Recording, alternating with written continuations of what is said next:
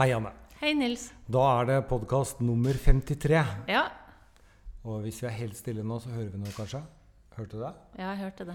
Vi ser det Jeg også. ser det jo også, ja, og det er fordi at uh, Adresseavisen, som er liksom uh, avisa Den er vel faktisk Norges fjerde mest eh, leste avis. Ja, Uh, de lager et stor artikkel på deg, så da har du med deg fotograf nå, da. Men du er med i den artikkelen Ja, da, en Nils? sånn birolle har jeg. Nei, du er jo tross alt en programleder. Ja, eh, men dere kommer til å høre Håvard som han heter, knipse litt, og så kommer du vel du til å bare forsvinne, ikke sant, Håvard? Du går ned? Om ti minutter. Om ti minutter, ja. ja. Men det er fint. Vi har to spørsmål som vi skal gjennom. Eh, men først eh, Har Ja, du hatt en fin uke? det. Jeg skulle spørre deg hvordan du hadde hatt det i dag, sa du til meg før vi startet. Nei, altså hvordan lekmannen har det, det har ikke noe å si. Det, Ja, det men er- du sa det jo at vi skulle snakke om det. Det er du som er uh, den med utdannelse, så det er deg vi spør. Hva har du gjort? Eh, Sånne normale sånne Altså, ting som folk i, med utdannelse gjør? eh, I går snakka jeg om stressmestring på Ja. Teknoport, og det syns jeg var veldig spennende. Og det skal vi jo egentlig snakke om i dag òg. Ja. Så bortsett fra det, så vet du at jeg er glad i sykkel, så nå har jeg sykla Birken. Gratulerer. Ja.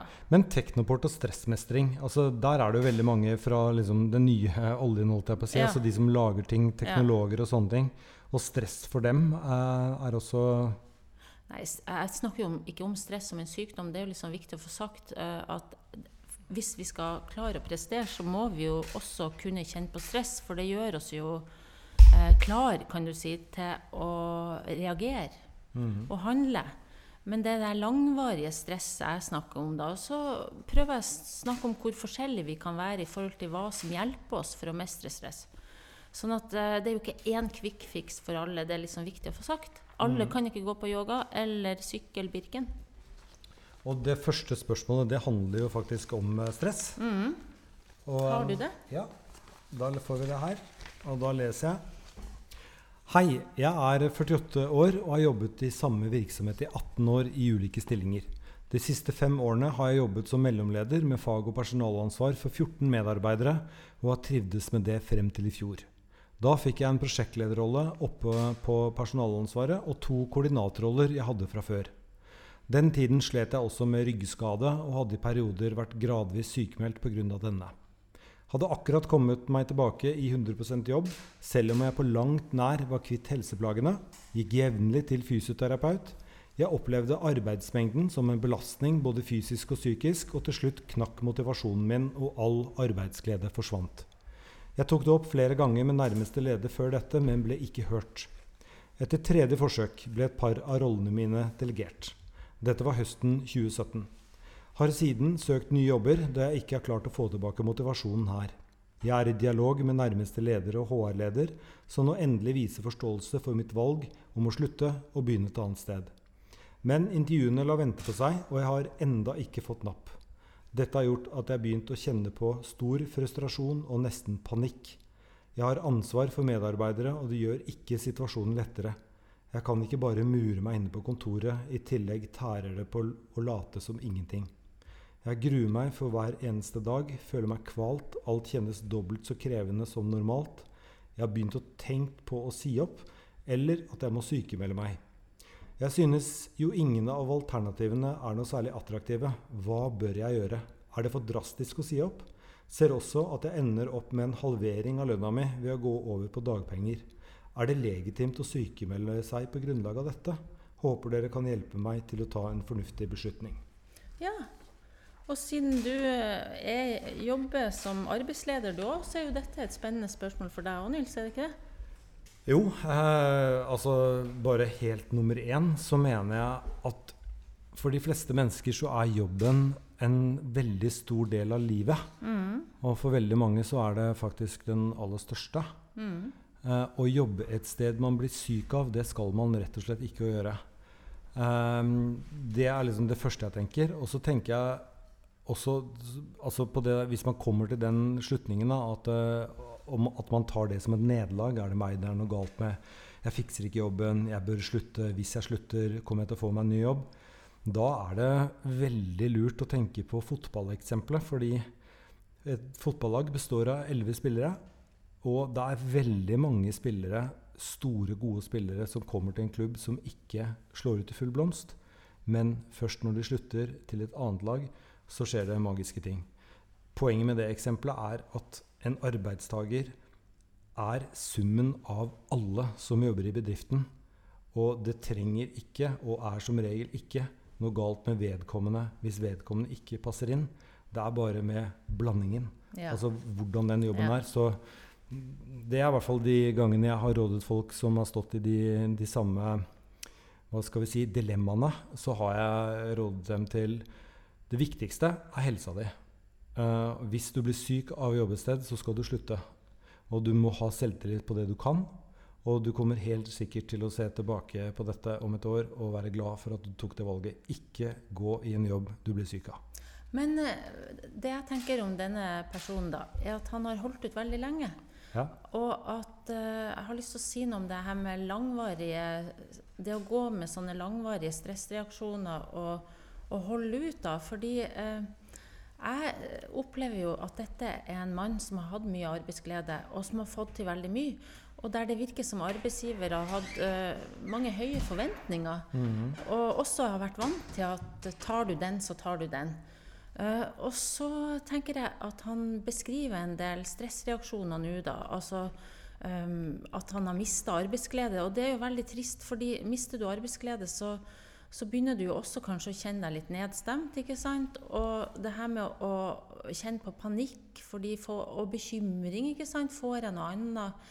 Eh, så jeg tenker det er noe med at stress kan være veldig ok eh, når en skal prestere, og en har litt oversikt over arbeidsoppgavene, og det er et litt sånn konkret mål der fremme. Men her så opplever jeg at eh, arbeidsoppgavene overskrider kapasiteten. Og at han begynner å kjenne på at, at han har ikke Altså det går utover mestringsevnen, ikke sant? Konsentrasjon svikter. Dette er jo vanlige stressreaksjoner. Mange får jo ikke til å sove. Eh, de begynner å kjenne at energien går ut av dem, og det er tungt å komme seg opp om morgenen.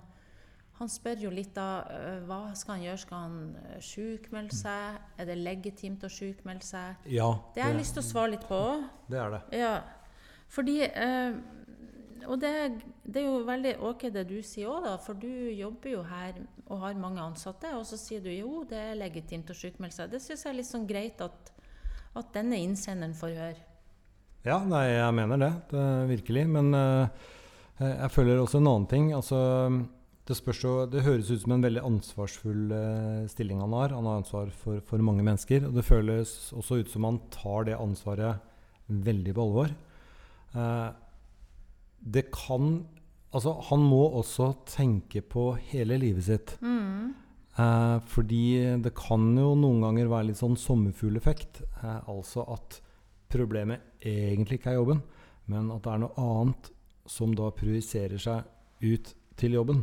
Og det er det jo mange ganger for de som kommer til meg, at, at de må hjelpe dem å se helheten her. Og han sier jo det sjøl, han. At, eh, for det har noe med helsa å gjøre. ikke sant? Han hadde vondt i ryggen, var ikke kommet seg helt. Og så, i den fasen når han skal eh, inn og jobbe for fullt, så syns jeg som arbeidsleder at det er veldig uklokt å lesse på med arbeids, arbeidsoppgaver akkurat da. Men jeg har sett det før. At uh, en er liksom så glad for at folk er tilbake for fullt, og så bare liksom Yes, de er tilbake. For dette er jo en person som har fått til mye, ser jeg for meg. Uh, og så glemmer en å gå kanskje i dialog om, om det. Og så når en også er arbeids... eh, altså er ansatt, da, så, så, så vil en jo så gjerne yte. Kanskje en er vant til å yte mye. eh, og så glemmer en litt at, at eh, eh, Eller en ignorerer litt da, at jeg er jo ikke på topp. Sånn at den, Mange har jo den utfordringen at de setter ikke de grensene sjøl heller. ikke sant? Eh, kombinert med høye forventninger. Sånn at eh, dette er jo en person som jeg opplever eh, ønsker seg tilbake til arbeidsgleden, og det støtter jeg veldig i. Og jeg ser noen ganger da at uh, altså dette dilemmaet med å sjukmelde seg eller ikke um, Ja, det spørs hva en skal bruke sjukmeldinga til. eh, fordi uh, noen ganger da så ser jeg at hvis folk bruker den til å få helsa si tilbake kanskje, øh, For du vet når all energi går ut av deg, så prioriterer en heller ikke helsa si. øh, Så kanskje en ikke får tid til å trimme, kanskje en ikke får tid til familien sin sånn som en ønsker det. Kanskje bare når en kommer hjem fra jobb, så er all energien brukt opp. Uh, sånn at da kan en bruke en sykmeldingsperiode til å, til å trene seg opp og til å få litt mer tak på energien sin.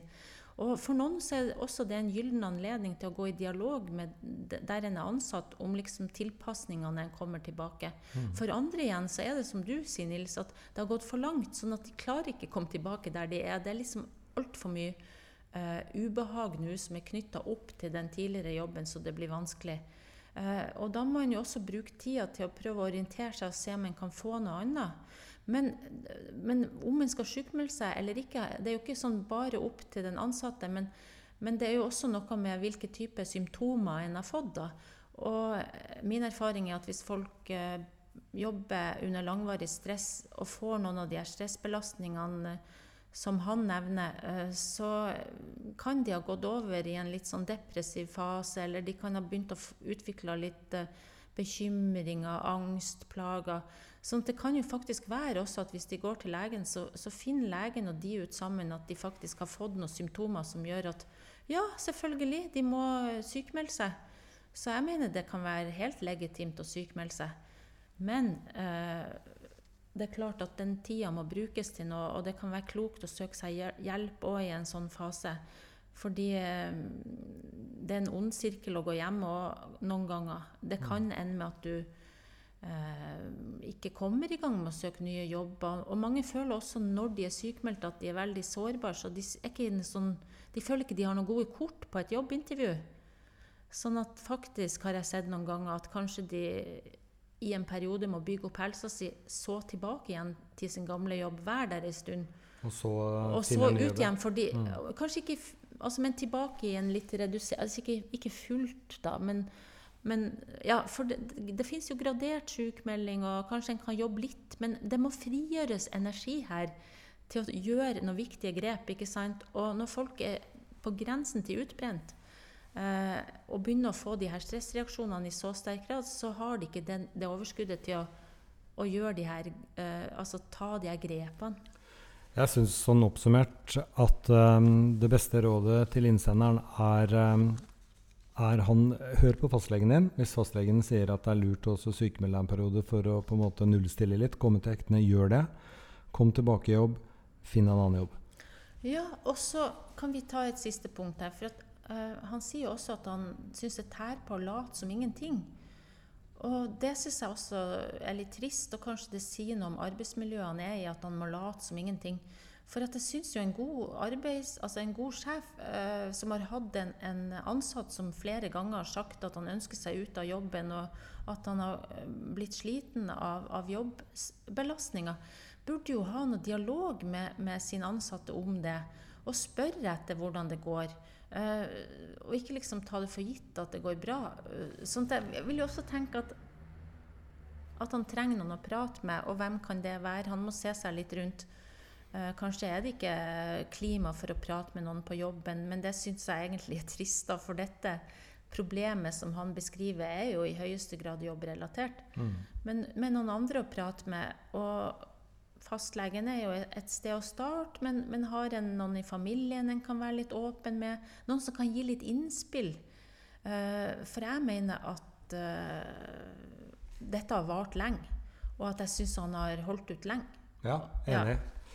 Eh, det håper vi var et, eh, et godt svar på det. Ja. Um, vi sitter på et litt annerledes sted uh, denne gangen. Og mm. det kan mm. godt hende at uh, dere hører litt romklang i dette rommet. Det er fordi at vi er på loftet uh, i Bennett. da. og her er det en kunstnerinne som egentlig har atelier. Og så har vi det litt sånn, sånn fotostudio. Men det spøker her. Spøker det? Ja. Du, Er min mikrofon nå i ferd med å bli sånn lav igjen, sånn at jeg må bøye meg mer og mer ned? Da kan du snakke litt om Birken mens jeg tar og skrur den opp. Jeg skal ikke snakke om Birken, fordi det Ikke så veldig, fordi bare Hvilken plass kom du på, da? Nei, jeg kom ikke på noen plass som jeg telte. Poenget med Birken er jo, som alt annet enn sette seg som mål her i livet, det er litt å utfordre seg på det å gjøre noe og gjennomføre det. Og selv om det er tungt, sånn som det var for meg, da, som ikke var i superform akkurat den dagen, så er det liksom god følelse å klare det, da. For at jeg tenkte nå egentlig mm. etter to mil at jeg skulle gi meg. Gjorde du det? Men da var det jo bare uh, Ja, det er jo 9, et eller annet 8,7, så da var det litt igjen. 8,7 km, det er jo ingenting. Mil. mil. Ah, okay. Men da, det, det er med, dette er litt spennende, det her med å sette seg delmål da, og ikke tenke for langt frem. Du må Mm. ta én ting av gangen. Ja. Nei, det er enig i det, altså. Men da går vi over på det andre spørsmålet, Ja. og da leser jeg. Hei, takk for en flott podkast. Har hørt alle episodene og fått mye ut av dem. Jeg har nettopp hørt på Utbrent-episoden, og jeg har alle tegn på utbrenthet. Ikke på jobb, men som mor. Jeg er alene med tre barn, og eldste har asperger. Før elsket jeg å være sammen med barna. Jeg lekte med dem, laget sunn mat, var kreativ og fant på mye gøy med dem. Nå har jeg mistet all energi. Jeg får hjertebank av å se på ukeplanene, og jeg orker sjelden lage skikkelig middag. Jeg gruer meg til helger og ferier, fordi da må jeg aktivisere dem. Jeg er sykemeldt fra jobben min, men jeg kan jo ikke bli sykemeldt som mamma. Vi har hatt avlastning til han med asperger, men det har ikke fungert. Jeg har ikke familie rundt, og har mistet mye av nettverket mitt pga. situasjonen. Kan man bli utbrent som foreldre? Og hvordan komme seg ut av denne negative spiralen? Mm. Jeg syns uh, dette spørsmålet egentlig passer litt med det forrige, og, og litt det du sier, Nils, at hvis vi har ulike roller, så kan det jo være summen av de som, som gir en belastning òg. det å ha et barn med asperger krever jo veldig mye i forhold til planmessighet, forutsigbarhet. Altså barn som har en diagnose sånn som det, da, de trenger jo eh, at ting eh, skjer eh, At det er en struktur, ikke sant. Sånn at det krever veldig mye eh, kan, Du kan ikke være så impulsiv. Eh, og du må hele tida være litt i forkant, ikke sant. Og det er utrolig mye du må stå på også for at barnet ditt skal få rett hjelp. Og det er ikke så uvanlig for meg å høre at dette med avlastning ikke, ikke fungerte, og at foreldre må fortsette å lete etter noe som kan være en avlastning eller hjelp, fordi det å få avlastning for mange er veldig, veldig viktig. Eh, Så jeg har jo møtt foreldre før som har kjent på det samme, at de begynner å miste energien, og at de har lite støtte rundt seg, for at en blir litt ensom òg når en har en unge som har eh, sånn type plager. fordi eh, det er jo ikke sånn at en kan være med på alt, kanskje, sånn som alle andre kan. Eh, sånn at eh, Ja, jeg tenker jo det går an å kjenne på utbrenthet også fordi en har stått på i mange år for sine barn. Og her er det jo også tre barn, og lite nettverk, sånn som jeg ser det, rundt deg som støtte. Så, så Men, hva i all verden skal hun gjøre? ja, og det, det, det er viktig for meg her å ikke komme med noe sånn lettvinte svar, kanskje, fordi jeg tenker Jeg ville jo tenkt, alle ville tenkt få seg en pustepause, ikke sant? Uh, hva er det som gir hun energi? Men det er et sånn viktig spørsmål hva som gir henne energi. Eh, og for mange som har barn som krever litt ekstra, så, så er det jo sånn at de kanskje eh, ofte også kan ha en del dårlig samvittighet fordi de kjenner på at, at de ikke egentlig klarer å gi det de skulle ønske de skulle gi. Og særlig ikke kanskje til, til de to barna som, som ikke har en diagnose. ikke sant? Og så begynner det å bli en ond sirkel der de liksom aldri kan ta pause, for at de fortjener jo ikke det, for de klarer jo ikke å gi det de skal gi. Eh, men jeg tenker her at eh, jeg håper egentlig at hun kan få litt avlastning og hjelp, og at hun ikke gir seg helt på å få det, selv om det ikke fungerte den forrige gangen. Men hvis man er alenemor med tre barn, Ja, én har asperger, har ikke noe nettverk, eh, hvor i all verden er det man henvender seg for å få avlastning? Ja, og så er det hvilken type avlastning, da. For jeg vet ikke hvilken avlastning som har blitt brukt her. Men, men det kunne også vært kjærkomment, og det, det håper jeg jo egentlig de har. Men det kunne jo også vært kjærkomment med en støttekontakt, eller altså noen timer der noen andre kan komme inn og, og være der. Uh, og hvor en henvender seg, det er jo i kommunen. Uh, og det kan være veldig krevende. Og jeg har jo ikke noe erfaring som forelder på det her, så jeg hører jo bare hva andre foreldre sier. At det kan være en papirmølle, og det er mye du må tenke på sjøl. Og det er kanskje ikke så lett heller å finne ut alltid hvilke rettigheter du har. Men det er kommunen som skal ha oversikt over det, og jeg tror det der fungerer veldig ulikt. Uh, Nå vet jeg at det finnes noen sånne frivillige mm, tiltak, da, men, men det kan også være vanskelig uh, når barnet ditt trenger noe spesielt. ikke sant? For vi vet jo ikke hvor dårlig fungerende det barnet er. Eh, så det er ikke alltid at en kan bruke det. Men Homestart f.eks. er et sånn frivillighetstilbud. Men da må en av barna være under eh, skolealder. Mm. Eh, men de går inn og gir liksom frivillig avlastning. Og de er jo over hele landet. Men, men, dette er jo litt sånn jeg sier generelt, det er jo ikke sikkert det passer her. Men kan man bli utbrent som mor eller far? Ja, jeg tenker Men det er jo noe Altså utbrent kan jeg bare si det? Utbrent er jo et begrep som jeg ikke er så glad i, for det høres ut som du er helt ferdig hvis du skjønner og aldri kan komme tilbake.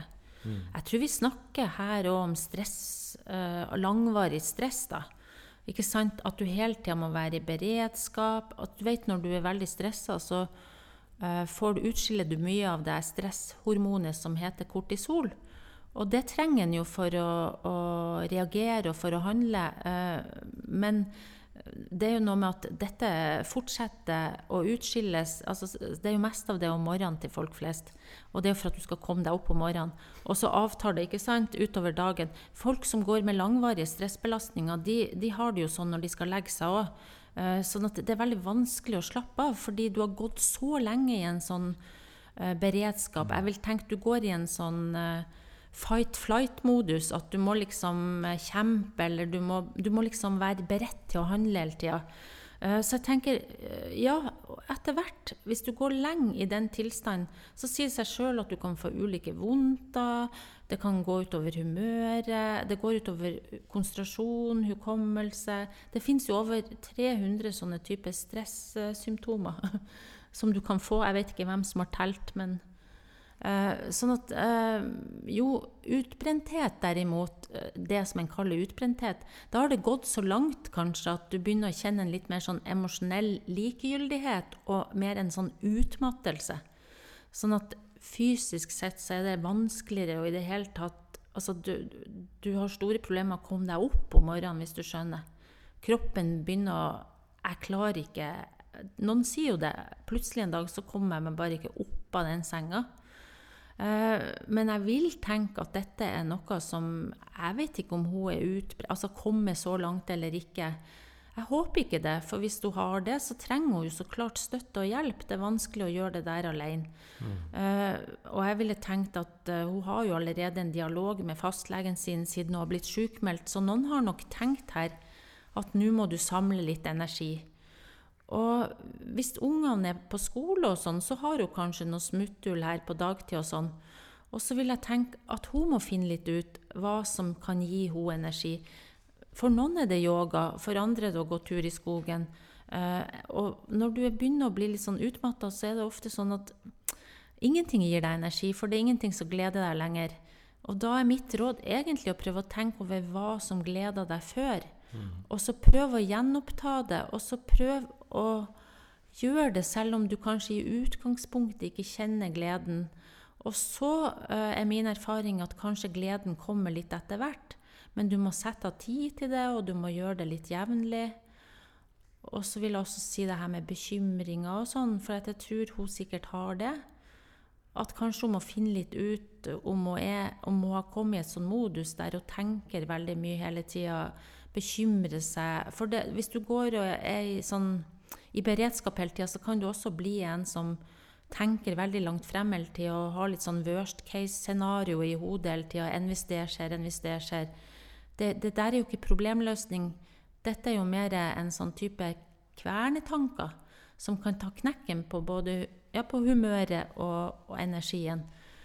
Har hun mye av det, så, så, så, vil jeg tenke at det er litt sånn viktig å prøve å utfordre seg sjøl litt på å ta pause fra de tankene. Uh, prøve å, Du kan jo Dette er jo lettere sagt enn gjort, men du kan jo prøve å sette av et tidspunkt på døgnet der du uh, tar frem det du, som du bekymrer deg for, og så prøver du virkelig å se på det, og så resten av dagen så skyver du det til det tidspunktet. Mm.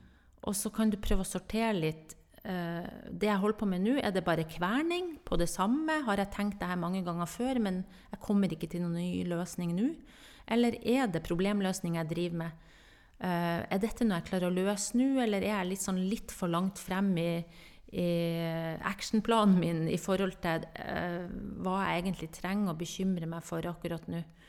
Sånn at det fins jo hjelp å få til det. Det fins jo en del selvhjelp på nettet. Det finnes en del sånn stressmestrings... Uh, noen treningssenter har jo noen sånn stressmestringsgrupper. Uh, mindfulness, blant annet. Mm. Der du jobber med nærværet ditt. Ja. Det der syns jeg var veldig mange veldig gode råd. Det, jeg har jo mange flere, det er det som er problemet her. men, men, men en må finne sin greie. Mm. Uh, så da må en vite litt hva som trigger eh, bekymring hos, eller stress hos hver enkelt. Og så må en uh, starte med å anerkjenne at sånn har jeg det faktisk. Og være litt, uh, kan jeg si, være litt vennlig mot seg sjøl. Ja. Ja, fordi det, mange er ikke det. vet du. I tillegg til at de har en vanskelig situasjon, så går de og banker seg sjøl i hodet, hodet med at de er ubrukelige og ikke får mm. til ting. Og jeg tenker, tenk litt på det der med at, uh, at du skal være like vennlig mot deg sjøl som du ville vært mot, mot, en venn. Og at du må liksom klappe deg sjøl litt på skuldra og si at uh, ja, men du, du, prøver jo i hvert fall, og du gjør nå så godt du kan. Og, og liksom erkjenne litt at livet kanskje akkurat nå er litt uh, trasig og utfordrende. At det er lov faktisk å anerkjenne det inn til seg sjøl. For der, eh, hvis det da liksom er styggen på ryggen som sier at du er udugelig som mamma eller pappa, ja. du klarer det ikke, så er det kanskje en annen stemme du skal høre på, er at du, gjør faktisk en ekstremt god jobb. Det er sant nok, Nils. Nå begynner du å bli uh, god sånn koterapeut her. Og med det så sier vi at uh, det 53. programmet i uh, Mindfit uh, er da ferdig. Ja. Vi er som vanlig veldig veldig, veldig glade for alle spørsmålene som ja, kommer inn. Og det er mange som gjør det, og ja. det setter vi pris på. Og vi høres veldig snart igjen. Det blir nok ikke før om tre uker. Nei, for du skal ut og reise, kanskje? Jeg skal ut og reise. Nå tar jeg sommerferie. Det var litt seint, Nils. Ja, men det er fordi at jeg har jobbet i sommer, da. Ja, det er Så, sant. Sånn er det. Du fortjener ferie. Alle, alle mennesker må ha ferie. Helt enig. Til og med lekmenn. Ja, helt enig. Ha det bra. Ha det.